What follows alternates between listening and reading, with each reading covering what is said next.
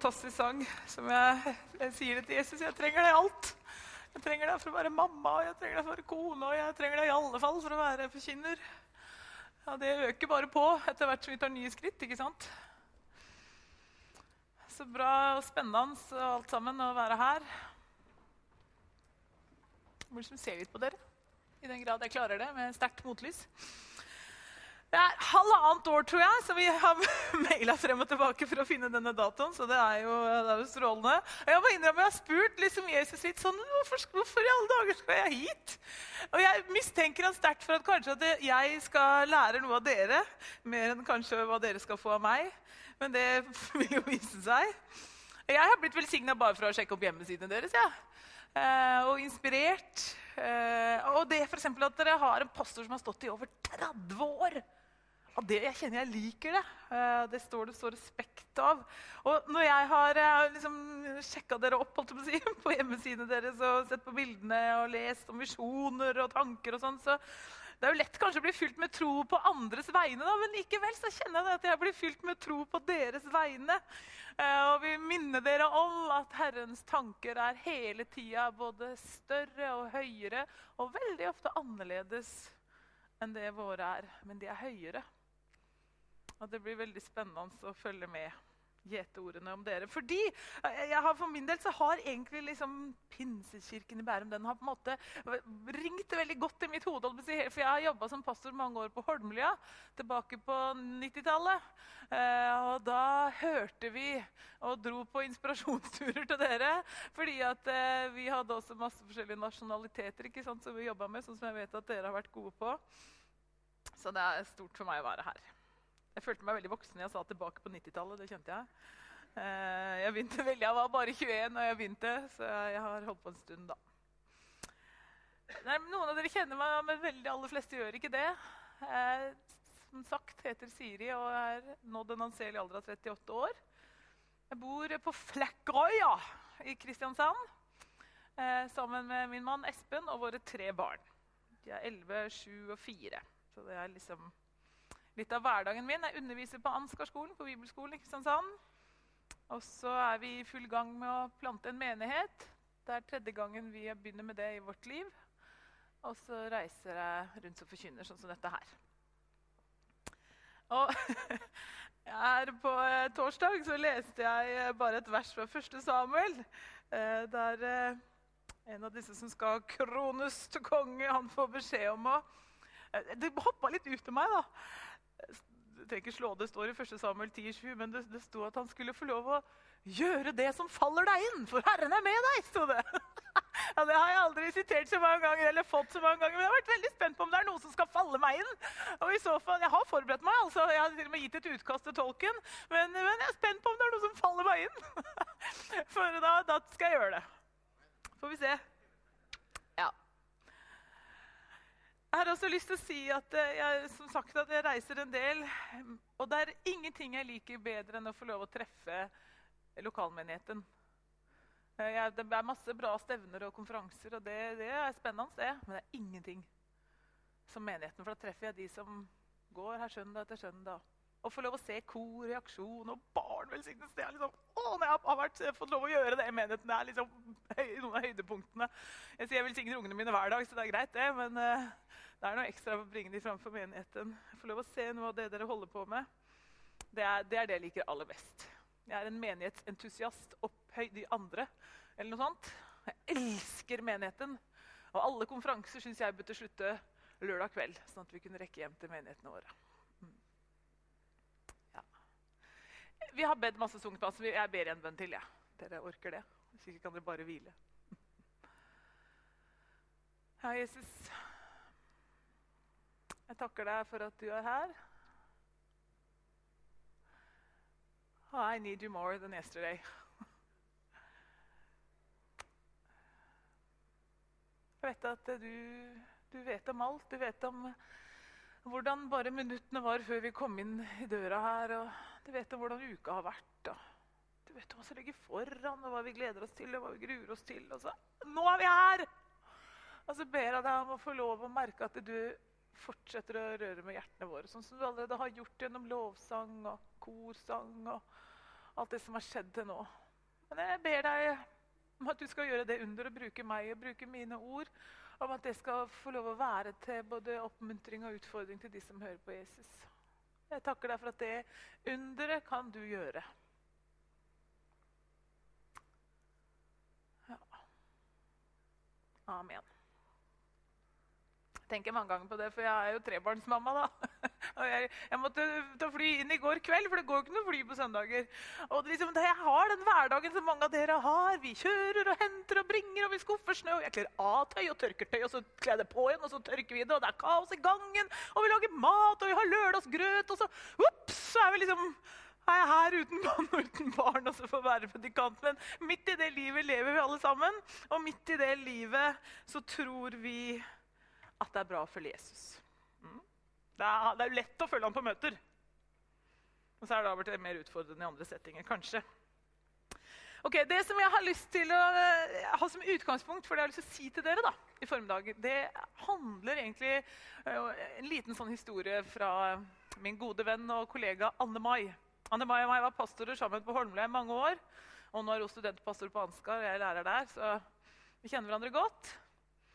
Og hun, når vi bodde på Holmlia, hadde vi en veldig sånn, uh, ønska å ha det som mål at vi alltid skulle invitere folk med oss hjem etter gudstjenesten. Hele tida, sånn at skulle, folk skulle bli kjent og at vi skulle komme hjem til hverandre. Og ingen var bedre til det enn Anne Mai. Alltid noen hjemme hos henne. Og det var ikke alltid så mye plan over det, så en gang hadde hun invitert en gjeng. liksom, Og så, så kommer de inn døra, og det var bomba. ikke sant? Og hun gjennomsto sto sånn i skapene og i frysene. Og her herlig land, skal jeg gi til deg for noe?' Jeg skal servere. Og så dro jeg det helt tomt. Jeg vil ikke helt Jeg har noe kaffe, tror jeg. liksom. Det var sånn, litt sånn desperat og prøvde å rydde om åkeren at gjestene skulle komme. Og en av de gjestene som skulle komme, da hadde en litt sånn brokete fortid bak seg, men hadde kommet seg, fått utdannelse og begynt å bli kjent med Jesus. og og så står hun helt stille og rolig i stua, og så sier hun Anne Mai, det jeg trenger, har du mer enn nok av. Anne Mai, det jeg trenger, har du mer enn nok av. Og så falt de liksom til ro, og så fikk de sette seg ned og være sammen og prate sammen. Arbeidstittelen for det jeg skal si til dere, er egentlig mer enn nok. Fordi at akkurat nå Ikke når du får lest mer i Bibelen, eller når du får bedt mer, eller når du får følt mer, eller følt deg mer åndelig, eller hva det måtte være. Akkurat nå, hvis du har tatt imot Jesus Jeg snakker til deg som har tatt imot Jesus. da. Hvis ikke du har det, kan vi snakke sammen etterpå. skal vi ordne det. Men hvis du har tatt imot Jesus akkurat nå, så har du mer enn nok av det mennesket rundt deg trenger faktisk. Akkurat nå. Og grunnen til det det er det store under som dere pinsevenner kan mye bedre enn oss i Misjonsforbundet. vet du. Det er det at Den hellige ånd bor ved troen i vårt hjerte. Det er fordi han bor her. Det vil si da, at selv om du føler at du ikke fikk gjort alt du skulle gjort, eller ingenting gikk sånn som du hadde tenkt, så er det faktisk sånn at akkurat nå så har du det du trenger for mennesker rundt deg. Vi skal bare ta bare noen vers på det. I 1. Timoteus 3,14 så står det om eh, er det Paulus som skriver til unge Timoteus. ikke sant? Så sier han Timoteus, du må ta vare på skatten som er betrodd deg. sier han. Ja, det vet vi at vi skal. Og så sier han Den hellige ånd som bor i oss, skal hjelpe deg til det. Veldig grei og, grei og praktisk setning. Jeg liker den veldig godt. Ja. Veldig greit. Ta vare på skatten. Den hellige ånd, som bor i oss, skal hjelpe deg til det. Så fint. Det står om han som er i oss, er større enn han som er i verden. Det står en av, favorittene fra 2. Korinterbrev 4,7. Der står det om at vi har Hva er det vi har? En skatt i et leirkar. Ikke vel? Og så står det at vi har, denne, vi har denne skatten i lærkar for at det skal bli synlig at den veldige kraften, den er fra Gud og ikke fra oss selv. Lærkar dere kan sikkert ha hørt 100 ganger, men det var altså det usleste du kunne drikke av. Kongene de hadde eh, liksom gullkar og sølvkar og andre flotte material de brukte til å drikke av, mens eh, det, subben holdt på å si, de drakk av lærkar, for det var skrøpelige greier. Det gikk fort hull. Så sier Gud, 'Du er leikare!' I know. Og jeg tror, du, du, Nå føler jeg nærmer meg 40, så jeg kan si det at jo eldre jeg blir, dess mer skjønner jeg at det er sant. Jeg husker da jeg var 12-13. Jeg syns mamma og pappa gnålte og priste og takka Herren veldig for den nåden. altså. Det var fint med nåde, men jeg syns jeg klarte det ganske greit. Etter hvert som jeg har begynt meg på livet, så skjønner jeg at det er mye leirkar. Men skatten er veldig, og kraften fra Gud er veldig. Og hvis vi klarer å tenke de to tankene samtidig, da tror jeg vi blir sunne og engasjerte og frie og glade kristne. Vi kan fokusere litt mye på det elendige leirkar, ikke sant? Og så kan vi kanskje være bare opptatt av skatten, så det blir ikke noe liksom sammenheng. Men vi har en skatt i et lærkar.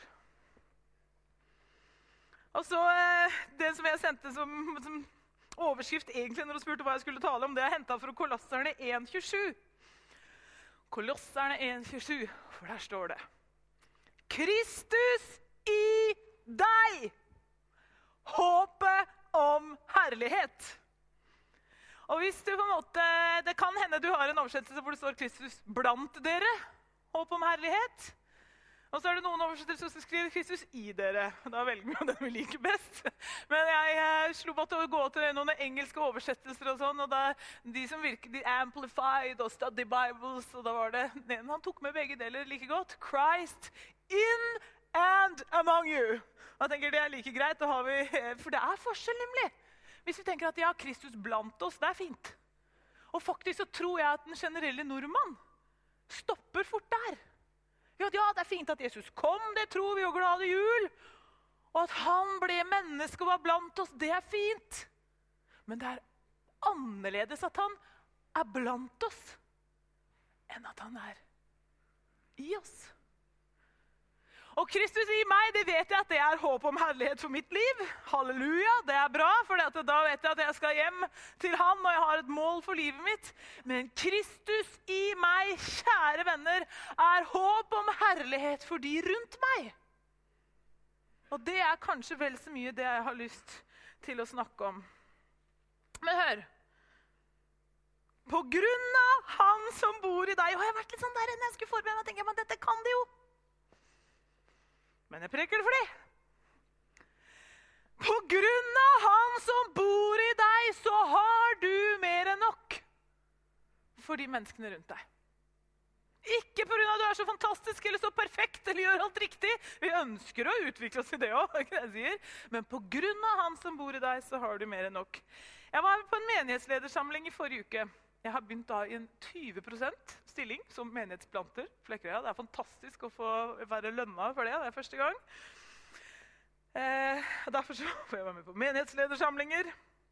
Og så hadde vi hatt besøk av en broder som sikkert mange av dere kjenner, som heter Arne Skagen. Han hadde virkelig hjulpet mennesker ut i frihet. altså. Og Da var det en voksen mann, menighetsleder, som satt helt blanke øyne og sa han, Jeg har gått hele livet og trodd at jeg egentlig ikke har noe å bidra med. Han kunne organisere og legge til rette, men det kom til det å dele hans tro med noen andre. Jeg trodde, jeg har ikke hatt, det har liksom ikke vært min greie. Så ble han helt blank i øynene.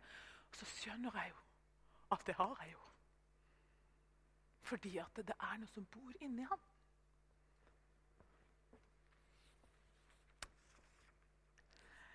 På sett og vis er dette her selvfølgelig holdt på å si barnelærdom som jeg tiltror dere veldig at dere kan. Det kan hende du er gjest. da. Jeg håper at ikke du får helt eh, noia av denne dama som står og taler til deg. Men for meg så handler dette masse om noen begreper som jeg jobber litt med. som på en måte ikke jeg helt finner ut av hva skal hete, Om du kan snakke om åndelig selvtillit. Eller også åndelig identitet. Og min åndelige selvtillit og identitet hviler primært på Golgata-verket. På det Jesus gjorde på korset.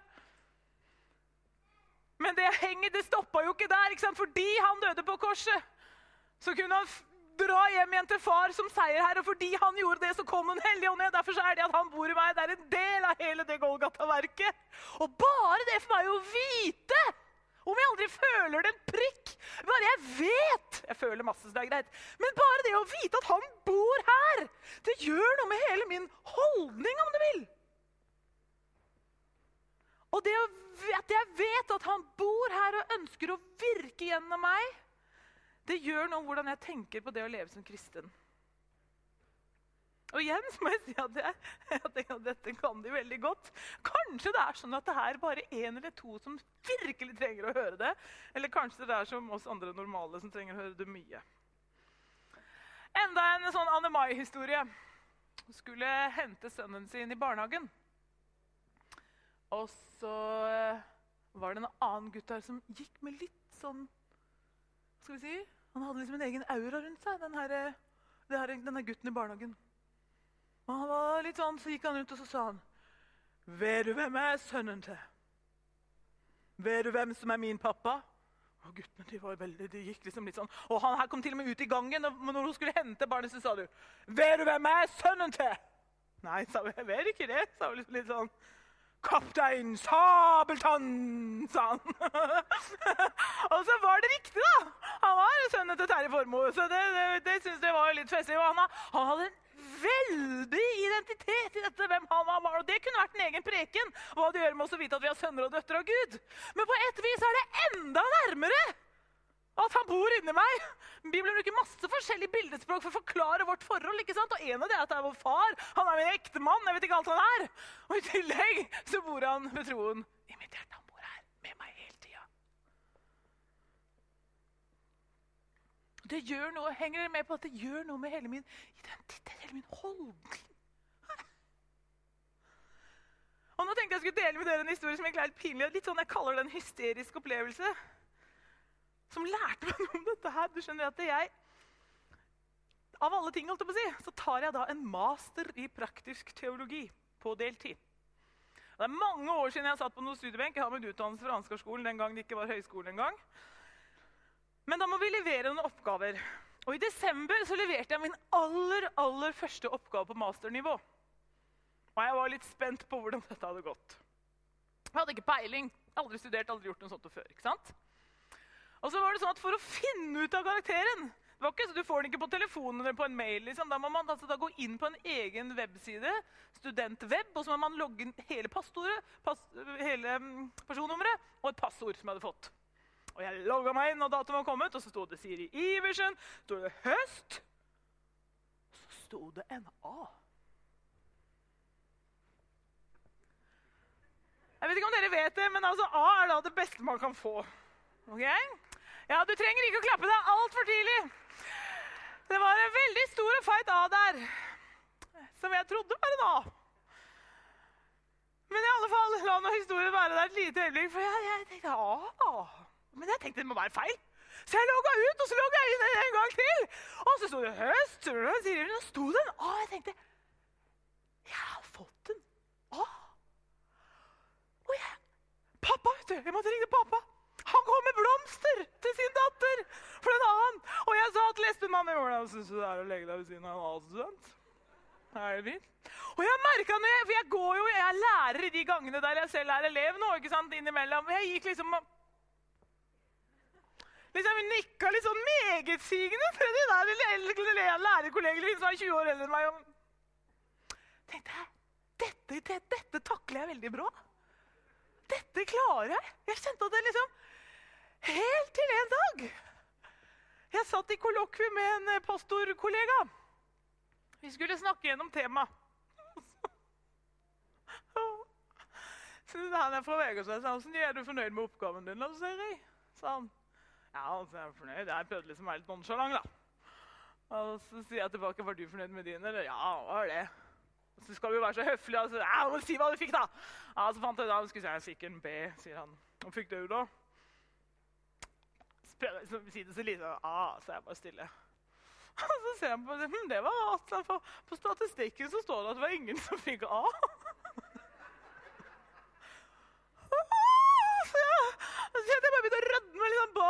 bak oppover i kinnene. Og så, ja, det var, det var rart. Har du passordet ditt, eller? sier han. Så var vi på hans kontor i hans kirke. Og så På hans PC liksom, så logga vi inn passordet, og så var det bare det. Jeg, jeg tror egentlig den annen betydde aktiv. Altså, Jeg har gått og jeg har gikk ut og trodd at jeg har navn. Jeg har ikke gikk ut og funnet min egen karakter. Man måtte klikke en klikk til på resultat. Siri Iversen, se! Kjære Gud. Og jeg kjenner Og så begynte jeg å tenke på alle de menneskene jeg snakka med. som jeg spurte hva jeg hadde fått. Jeg hadde vet hvorfor jeg hadde fått den. Og det var sikkert derfor og kanskje der. Skryt meg opp på den der. Så jeg måtte bare komme meg i bilen. Kunne komme meg fort nok ut før jeg sendte meldinger til alle jeg kjente. Så jeg, jeg fikk ikke ha, jeg fikk se og ringe til de jeg skulle ringe til. De lo jo så de var helt gående. Noen veldig glade for at det ikke var det jeg hadde fått av første gang. og sånt nå. Og nå kaller Espen meg ikke av fruen er C-fruen. Se studenten min. Ja, det var helt, eh, helt, fantastisk. Men det var litt interessant med hva det gjorde med min si, tro på meg selv som student. Jeg gikk rundt en måned der og liksom Ja. Og da tenker jeg ja, ja, tenker jeg. Da har jeg forbedringspotensialet. Takk og lov for så vidt at identiteten min ikke er der. Men hør. Og igjen, dette føler jeg er så upålitelig pinsevensk! For er det noen jeg opplever har god åndelig selvtillit, så er det de pinsevennene jeg kjenner. altså. Men likevel, at du skulle være her og kjenne akkurat som du har gått opp til en åndelig eksamen og ikke bestått. For hør, uansett hvor du plasserer deg selv som troende, så bor det en ånd i ditt indre av ypperste kvalitet. A pluss. Og det er den samme ånd. Det er den samme ånd som bor i Tom Aune, som bor i deg. Det er den samme ånd i Reinhard Bunke. Det var den samme ånd i TB Barat, som bor i deg. Det er Uansett hvor du det, Og det er Kanskje det bare er en sånn sørlandsgreie der jeg bor, men jeg treffer så mange som sier at jeg får det liksom ikke helt til. Jeg er ikke sånn, jeg, sier de. For all del, bli nå ikke som meg, for det er ikke poenget. Ikke, så bli, ikke bli som pastoren din heller. Den hellige ånd ønsker å utvikle det ypperste av deg. Så Derfor vil det se veldig forskjellig ut. Men den ånd som bor i ditt indre, er av ypperste kvalitet. Så jeg vil at, skjønner du, at du skal tenke på deg sånn som jeg tenkte på meg. Når jeg trodde den måneden av mitt liv at jeg var en A-elev. Det var en veldig god jul. Mor A-studenten spankulerte rundt. Ja, vi skal modne som kristne. Ja, vi skal lese Bibelen. Det er en annen preken. Ja, vi skal utvikle oss. Ja, vi skal vokse. Men akkurat nå så bor det en ånd inni deg som er mer enn nok for de menneskene rundt deg. Jeg ble en liten smule ivrig her nå. Kristus i dere, håpet om herlighet. Kanskje det eneste håpet de treffer. Det, jeg, hadde Før jeg så hjemmesiden deres, så hadde jeg skrevet i mine notater 2. Timoteus 1,7, som jeg skjønner er veldig knytta opp til deres visjon. For hva står det om den ånd? Takk og lov og pris er det ikke en ånd som, som produserer motløshet. Selv om vi kan kjenne på det. Men det er en ånd som gir oss kraft, kjærlighet og sindighet. Og jeg tenker, du så praktisk Gud er. Er det noe jeg trenger i min hverdag? Når jeg kjenner at stemmen sprekker for jeg blir sinna på barnet, liksom er veldig, veldig dårlig tegn. Jeg er sikker på Ingen av dere har det sånn noen ganger, men det hender at det går en kule varmt til vårt hjem. Sindighet. Mm. Eller når du føler du har vært drosjesjåfør til alle barna og nabolagets barn i uka. Kraft. Eller noen tråkker deg veldig på tærne og du bare har lyst til å bli sur. Kjærlighet. Jeg ble, så, jeg ble nesten litt misunnelig altså, at dere har det i visjonen min. Jeg kunne nesten tenkt å låne. Kraft, kjærlighet og sindighet, ikke motløshet. Og på grunn av det så har du mer enn nok. Og da har jeg lyst til å bare komme med noen få eksempler. For dette gjelder i hverdagslivet vårt. Og jeg sier, Hver gang jeg er en menighet, så har jeg egentlig lyst til å ha vitnemøte. For jeg er nysgjerrig på hva slags hverdagsliv dere har. Jeg er sikker på at dere kunne fortelt en mengde spennende historier av deres liv med Gud. Men er det jeg som er predikanten i dag. Hvordan ser det ut i hverdagen, da? Og Jeg lo, sa jeg var Jeg er ikke nevneverdig atletisk, men jeg trener litt. Jeg mosjonerer, tror jeg har funnet ut at jeg er. Mosjonist. Og jeg går på Friskis og Svettis, for dere som vet hva det er. Da hopper vi rundt etter beste evne til musikk og prøver å holde lekammen i funksjon. Og Sist mandag når jeg var på Friskis og Svettes, så måtte jeg gå et kvarter tidlig før dette skulle hente dattera mi i bursdag. Så Idet jeg skal til å gå så Jeg kaller det en skråtanke. for det er, det, det er ikke jeg som har funnet opp det ordet, men det synes jeg er et godt ord for det vi sier jeg blir minnet om. Men vet, Det er jo ikke så veldig åndelig når man står der og svetter og føler at man blir minnet om noe, men det kom en skråtanke. Du skal gå bort til henne. Jeg visste hvem hun var. men Jeg hadde ikke sett opp mange år, for hun bor ikke der jeg bor. og bare kom på trening. Og så skal du si til henne at jeg sier til henne at du skal ikke gi opp. Og jeg var så svett, og det dryppet av meg. Jeg var rød og De strakk ut, disse damene, ikke sant, og prøvde sånn diskré å komme seg bort til den ene dama som står der og tøyer. Du. Jeg kjenner bare det!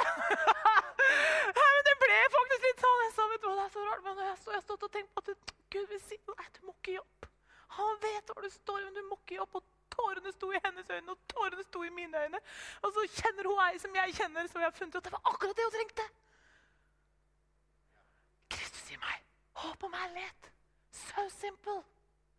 For da er det i hverdagen. Å komme seg til gudstjeneste klokka 11, folken, det er ingen bragd. Henger du med? Her er det lett å være frelst. Men å leve det der ute, holdt på å si, da, det er litt viktig. Et annet veldig hverdagslig eksempel.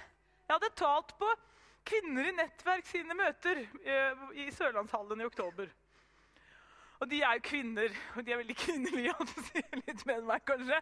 Men da fikk jeg sånn liten sånn forundringspakke med masse godteri og nøtter og frukt. Og så hadde en veldig sånn lekker kopp som var pakka inn. Med noen sånn engel på. Jeg så at det var en fin en. Og så slo det ned i meg at den koppen Siri, den skal ikke du ha. Og så så jeg en gang for meg en dame som skulle få den koppen. Og litt forskjellige grunner synes jeg Det var litt uh, awkward å skulle gi den en kopp til den dama. Og jeg følte ikke veldig at jeg skulle skrive noen ord på en lapp og si Det er akkurat som Gud vil Altså, Denne koppen er ikke bare fra meg, den er liksom litt fra Gud òg. Og han på en måte vil si takk. Og at han ser deg. Takk. Og nå skal ikke jeg bereide, men Det var en del grunner så jeg syns hva skal vi ta? Er det så mye å takke Gud for ham? Har ikke sett så mye til hodet sist, har jeg det? Nei. Så den koppen sto på hylla mi i tre måneder. Mm, wonderful preacher man. Uh, men til slutt så måtte jeg bare putte ned en pose og ta den med på koret. For jeg visste at det der gikk dattera. Og så var hun ikke der, så måtte finne mannen som skulle gi den til henne. Uh, fin story, altså. Så ringer hun meg, sier hun. Sier du aner ikke hva vi står i. Så forteller hun bare hvordan de bare har gitt måte, livet sitt for noen andre. Og det er ingen som vet det. Og det er så it's up to here, for det er så komplisert og så vanskelig, så tidkrevende. Og det er ingen andre som gjør det. ingen andre som kan gjøre det. Ergo er det mange ting ikke de kan være med på, for de har bare gitt liv sitt for dette her for en periode. Og jeg vært så sliten, sier de. Og så kommer den koppen, og så er det akkurat det serviset hun samler på. Det er fantastisk. Akkurat som Gud bare vil understreke. Jeg vet til og med hvilket servise du samler på. Jeg ser deg, jeg vet om hva du står i. Jeg bryr meg, og jeg sier takk for det du holder på med. ikke sant? Og så kom det også at det var det akkurat den passelige tida, sier hun. Sier hun. For hun hadde vært på møte torsdagen før. Dette var på en tirsdag. Og pga. alt det hadde stått i, så var hun så spent at skuldrene var her. Og hadde så vondt. Og så sto hun på dette møtet, og så var det akkurat som hun opplevde at Gud Dette er veldig lite typisk fra hun å høre, da. Men hun opplevde at Gud sa, 'Kan du ikke bare be, da, for de skuldrene?' Du kan jo bare be. Og så gjorde hun det som var fort å gjøre. Hun ser etter pastoren. Ja, pastoren her, så han kan be for meg. Men Gud er jo ikke avhengig av pastoren. Men han var opptatt av å be for den andre, så hun ble bare stående. Men så var det en annen i forsamlingen som ble så minna om at hun skulle gå rundt og legge hendene på skuldrene hennes.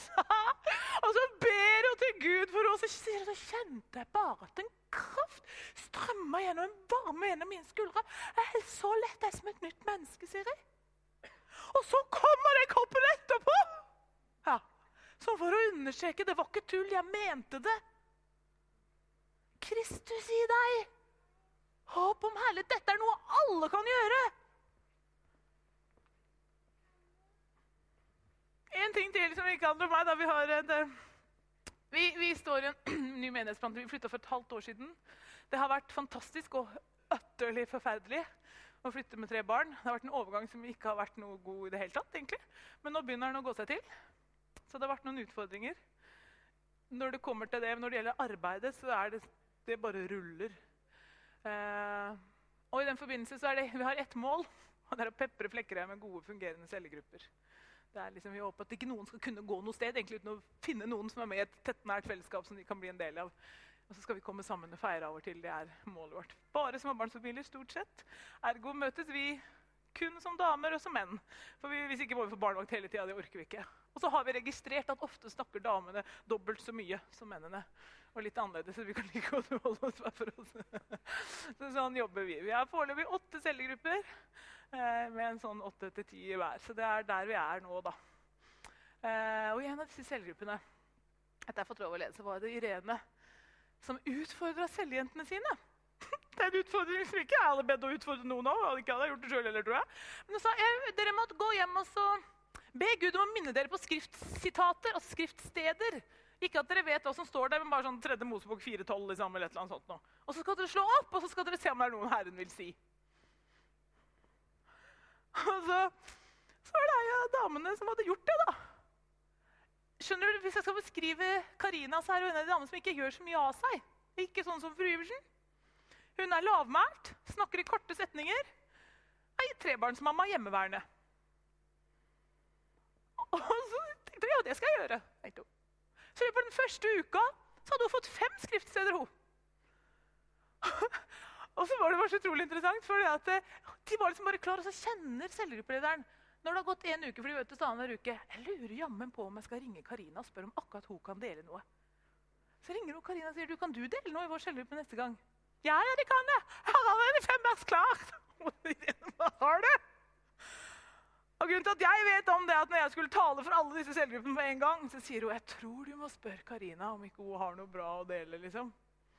For så forteller at de versene hun fikk det. Og det var liksom ikke sånn Johannes 3, 16, for de kan noe utenat. Det var Esekiel 36, 26 og 1. Samuel. Altså, det var sånn, sånne bibelvers. Så begynte det med Jeg vil gi dere et kjøtthjerte istedenfor et steinhjerte. Punkt nummer én. Punkt nummer to. Innvi dere i dag, for i morgen vil Herren gjøre underfulle ting blant dere. Punkt nummer tre. For enda en gang ropte Gud på Samuel. Og så Det er akkurat som han sier, at eh, han gir oss ikke opp. Han måtte rope på Samuel mange ganger før han skjønte hva det var. Enda en gang ropte Gud på Samuel. Og så kom det til Efeserne 4 om menigheten og de mangfoldige tjenestene. Og så til slutt så var det ikke med makt, ikke med kraft, men med min ånd, sier Herren. Og det delte hun på sånn tre kjappe minutter. Liksom. Jeg hadde jo brukt en liten evighet på det. Ja, det var de versene jeg fikk, ja. Sånn, så. Kristus i ho. Håp om herlighet. Og det prøver, det, dette her, det, dette kan vi, dette, vi, vi, skjønner hva vi snakker om. ikke sant? Um, og dette er de små tingene. Men det gjelder også for de litt større avgjørelsene som vi har består i livet. Og jeg tror at det, og Dette vet dere jo, men når vi øver oss opp i de små tingene på Kristus i meg, håp om herlighet for de rundt meg så for det første så ser vi mennesker med andre øyne, det tror jeg. Men da vi har øvd oss litt, så får vi tro for å tørre å ta de litt større avgjørelsene. Som f.eks. å rykke familien opp og plante den et annet sted. Ikke sant? Og jeg må bare si at det har, det har vært så utrolig spennende for oss. Og Gjør det som faller deg inn, for Herren er med deg, sa han til Saul. Og jeg, jeg hopper i det, på å si, fordi det, det, er noe jeg veldig sjelden snakker om. Men jeg, jeg kan ikke si annet enn at jeg opplever at jeg har blitt minnet om å si det. For det kan hende at noen av dere står i et oppbrudd som ingen vet noe om. At du tenker på skal jeg flytte eller skal jeg bytte tjeneste. Skal jeg gjøre noe annet? Kaller du noe til meg, Gud? Det kan hende noen i denne forsamlingen gjør det. Og det kan være en veldig spennende tid, og det kan være en veldig utfordrende tid. Og en av de tingene jeg følte meg utfordra på, det var Siri.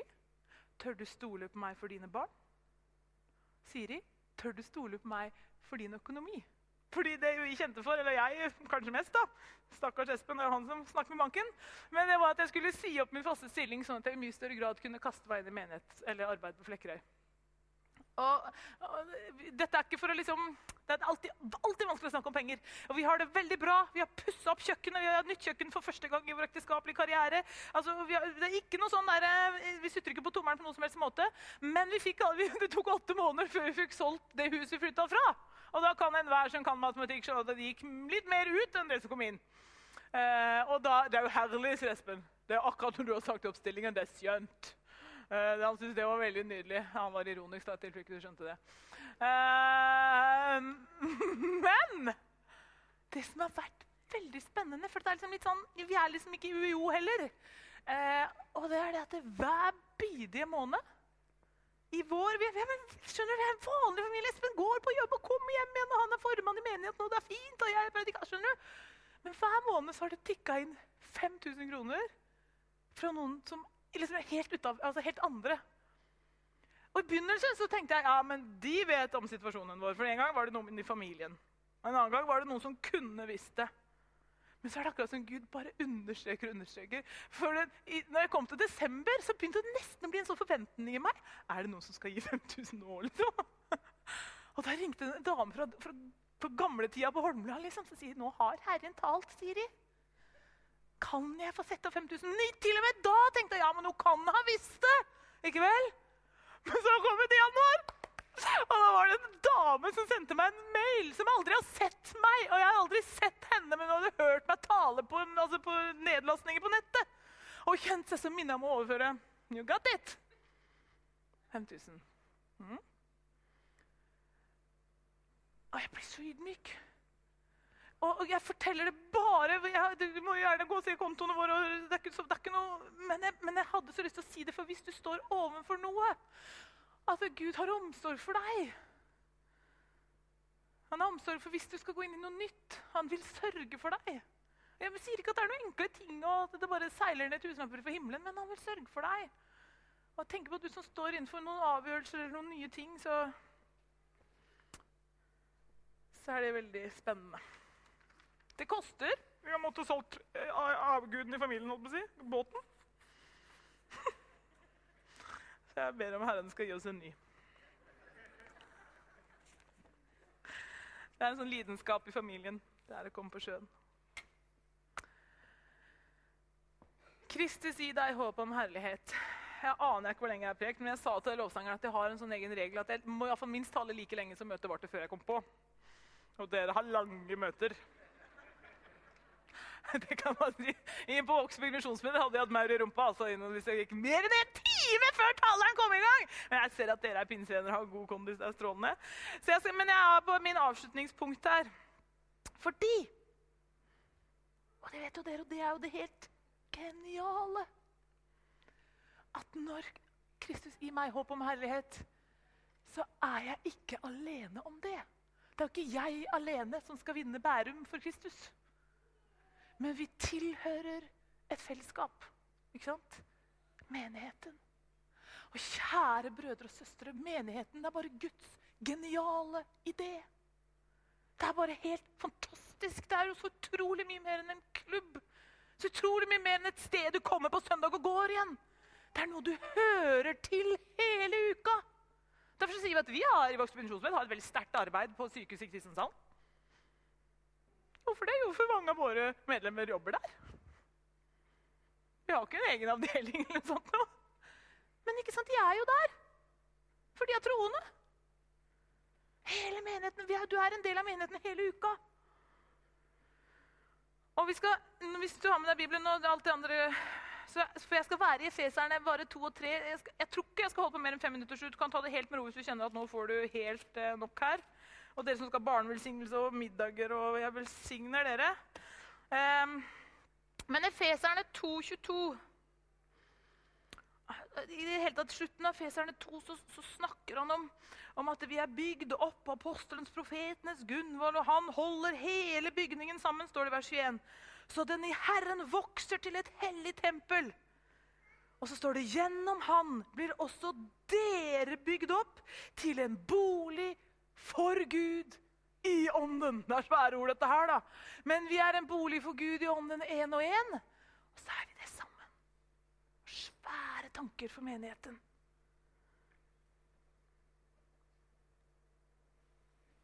Og så står det, det, ble, det ble veldig, hadde ikke tenkt å tale om i det hele tatt, men, men, det står Og da kjente jeg det bare tok så tak inni meg. I Efeserne 3,10, det er bare neste kapittel, der står det at slik skulle nå Hans mangfoldige visdom gjennom menigheten bli kunngjort for maktene og myndighetene i himmelrommet.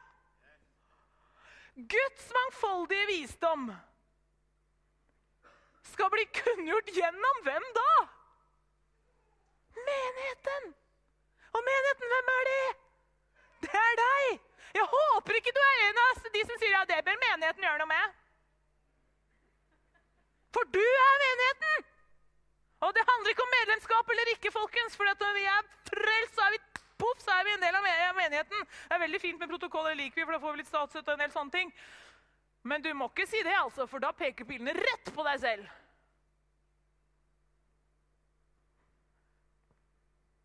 Men det var gjennom menigheten han skulle kunngjøre sin mangfoldige visdom. Da kjente jeg bare, følte jeg så så Bærum over det verset. Gud skal, han skal kunngjøre sin mangfoldige visdom til Bærum gjennom menigheten. Og det er dere på arbeidsplassene deres, på skolene deres, i studiene deres, der dere er. Så ikke dere hele trenger så ja, Hvis du blir kjent med Jesus, kan du bli med meg. Det er fint, det. Å ta dem med på gudstjeneste, Men du kan også si hvis du vil kjent Jesus, så kan vi bare ta en prat. For han bor her!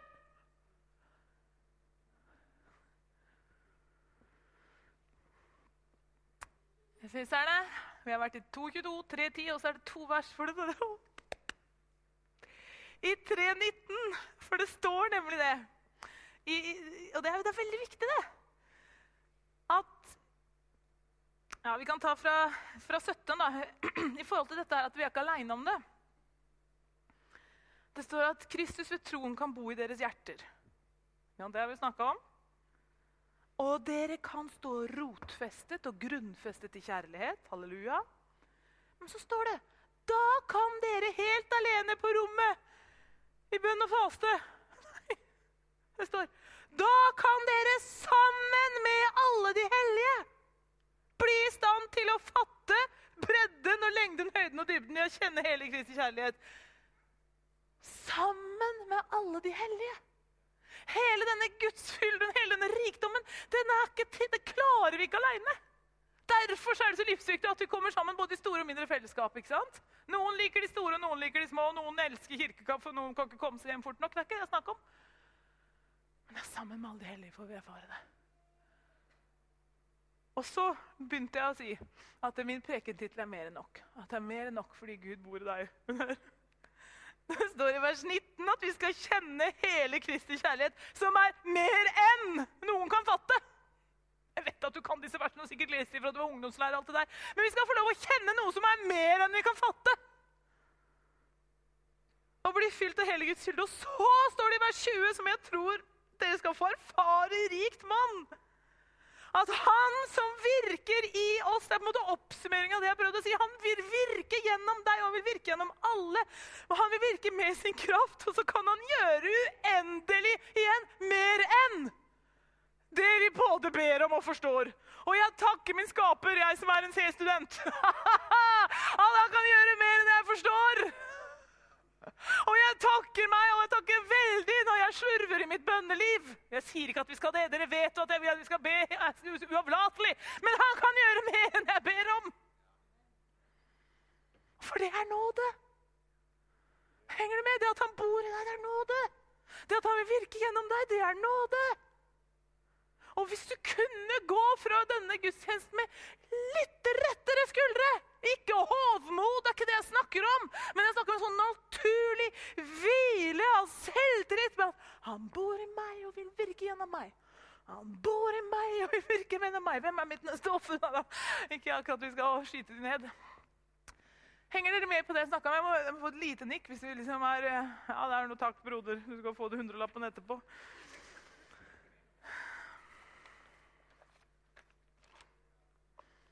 Mer enn.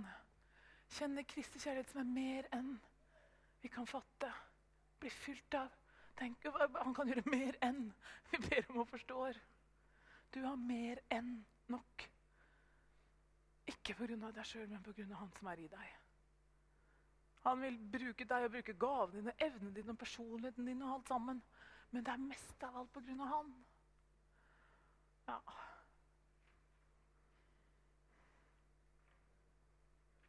Må vi være litt stille.